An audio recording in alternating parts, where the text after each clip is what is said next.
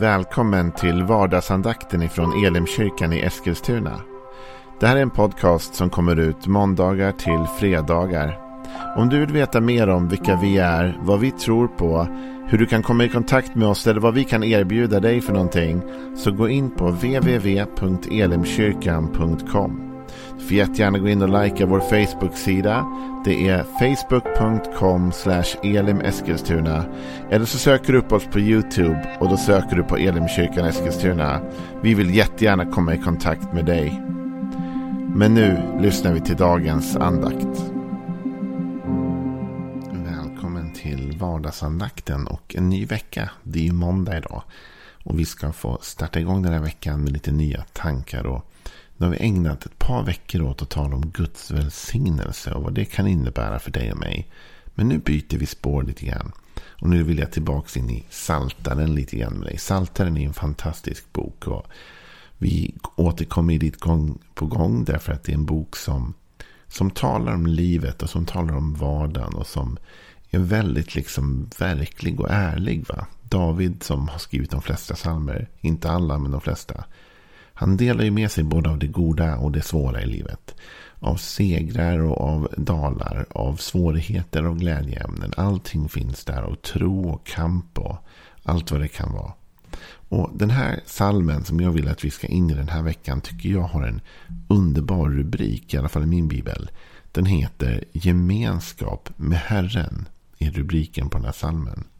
Och det är psalm 27. Och det här är en ganska lång psalm. Så jag tänkte att jag ska inte läsa hela salmen i ett stycke. För det tar alldeles för lång tid av den här andakten.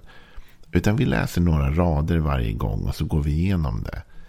Men vi kan börja med de första raderna och se vad David inleder med. För det här är en psalm skriven av David, kung David.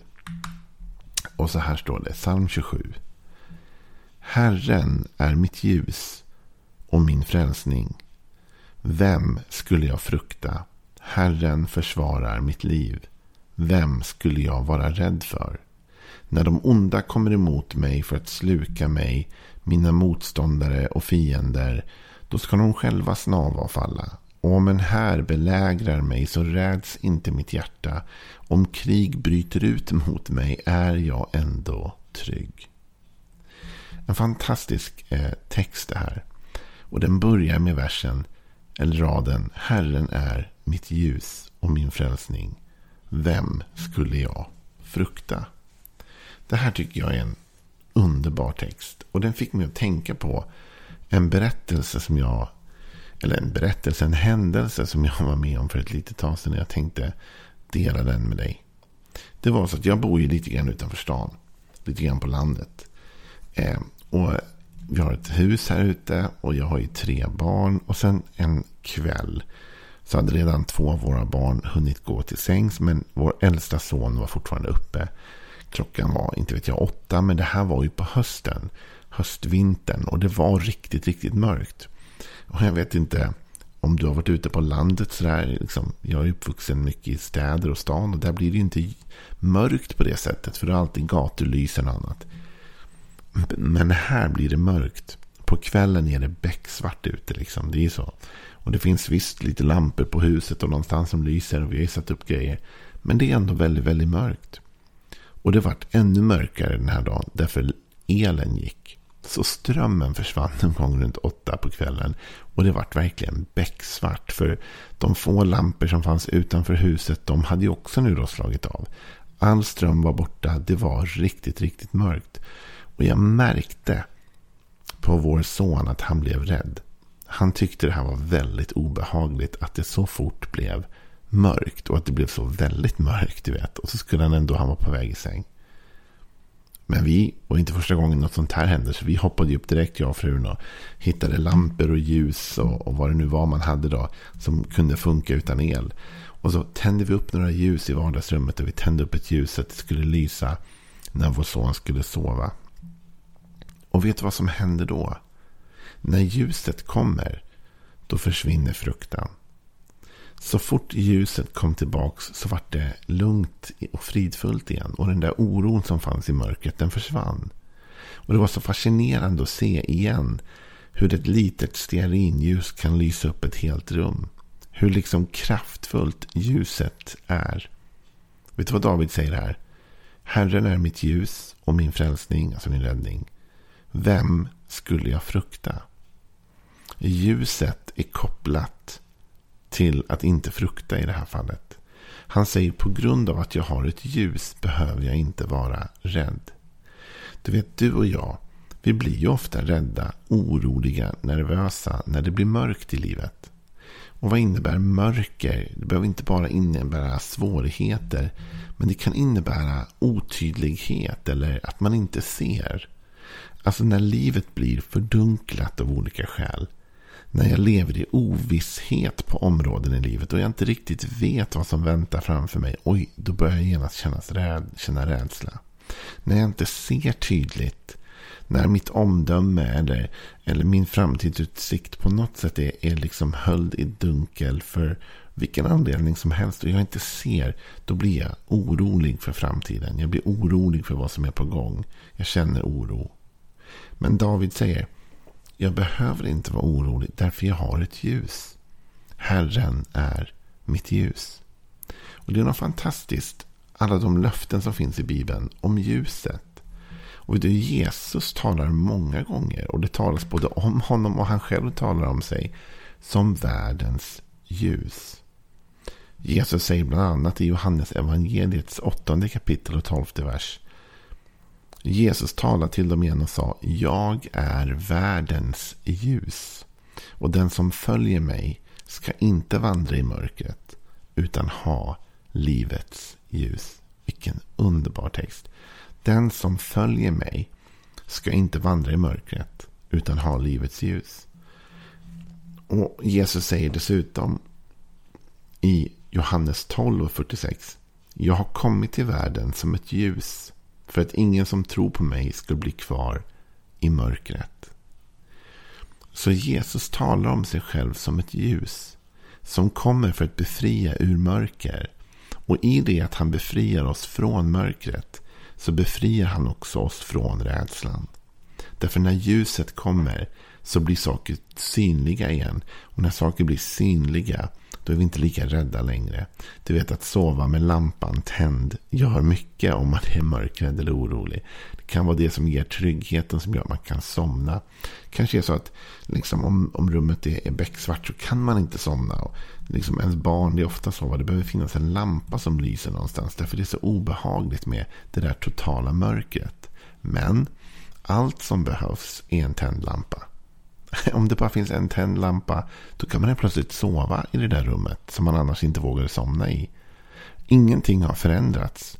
Förutom att man ser. Och det är samma för dig och mig. Du vet att när vi lever nära Jesus. Så ger Jesus oss det ljus vi behöver. För att inte vara rädda. Alltså Jesus kommer med ljus in i vårt mörker. Med tydlighet in i vår otydlighet. Han kommer och lyser upp för oss. Och helt plötsligt så känner man, oj, en trygghet. Och jag kan känna att så länge Jesus är med mig här så är jag trygg. Så kan jag vila. Jag kan till och med sova här. Därför Jesus är med mig och han är det ljus jag behöver. Jesus säger, jag är världens ljus och jag har kommit för att inte någon ska bli kvar i mörkret. Ingen ska behöva leva i mörkret.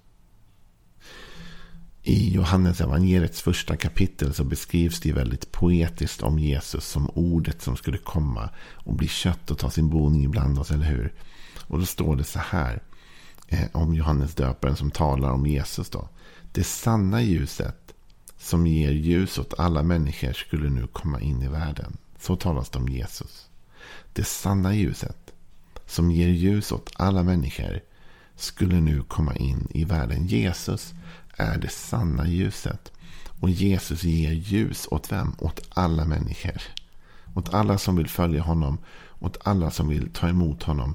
Är han ett ljus. Och David säger i psalm 27. Herren är mitt ljus.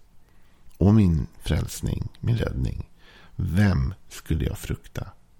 Alltså jag behöver inte vara rädd. Därför att nu har jag ett ljus som lyser för mig och som lyser upp min väg. Men David säger inte bara att, att Gud är hans ljus. Han säger också att Gud är hans frälsare eller hans räddning. Och det finns ju mängder med bibelord såklart om det. Men ett jag tänkte på handlar om ljus.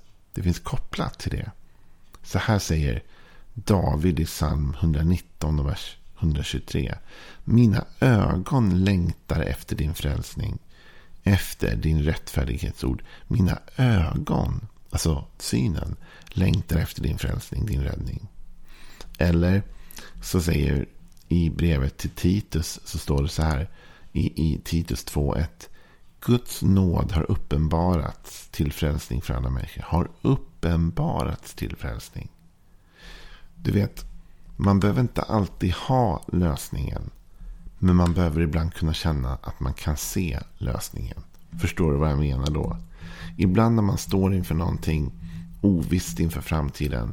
Så är det jobbigast i de situationer där man inte ser en lösning. Man inte ser en utväg eller en räddning. Men ibland räcker det med att man ser en utväg. Man behöver inte ens vara där än.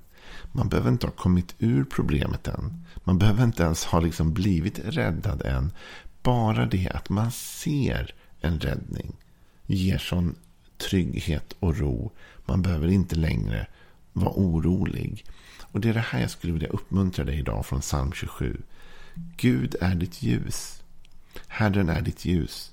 Han vill lysa upp för dig så att mörkret skingras och så att du kan se räddningen. Vet du, ofta är vi rädda därför vi inte ser lösningen på problemet. Men det finns en lösning där hela tiden. Jesus har redan en lösning för dig. Vad du än går igenom just nu. Vilken utmaning, vilket problem du än står inför. Jesus har redan en lösning på ditt problem. Det är bara det att du och jag inte ser det för det är höljt i dunkel. Men om vi litar på att han är vårt ljus och vi säger till Gud, Gud, lys upp för mig så att jag ser din räddning. Då skapar det ro och så försvinner fruktan. Jag kommer att tänka på berättelsen i Gamla Testamentet med de två profeterna. Det var profeten och hans assistent eller lär, lärjunge. Och på morgonen så står profeten och tittar ut och staden är omringad av en massa vagnar och ryttare. Och den här assistenten blir jätteorolig och säger titta, titta, liksom. oj, oj, oj, hur ska det gå? Alla är här, vi är helt omringade. Och profeten säger Gud öppna hans ögon så att han ser. Och då öppnas den här personens ögon och han ser att det är änglar runt, runt den här hären av fiender. Så är det en, en här med änglar. Och profeten säger det är fler på vår sida än på deras. Så vet du, det är så här. Räddningen finns där. Det är bara det att du och jag inte alltid ser den. Men jag tror idag att du och jag ska våga be Gud att vara vårt ljus. Vi ska våga be Gud om att få se. Att få se lösningen. Du vet, bara att det känns mörkt just nu innebär inte att det finns någon fara där. Faktum är att även om det är mörkt ibland i min sons rum när han lägger sig så finns det ingen fara där. Det är bara att det känns läskigt. Men så fort ljuset gick på och då försvann rädslan. David säger här, om vi läser verserna en sista gång, så säger han så här. Herren är mitt ljus och min räddning. Vem skulle jag frukta? Låt Gud bli ditt ljus och låt han lysa upp så du ser att han redan har planerat en räddning för dig. Han har redan en väg ut ur det problem du är i. Då kommer du känna att den här måndagen så kan fruktan och oro börja rinna av dig. Därför att det finns ett ljus som lyser i mörkret. Världens ljus. Och det ljuset är Jesus Kristus.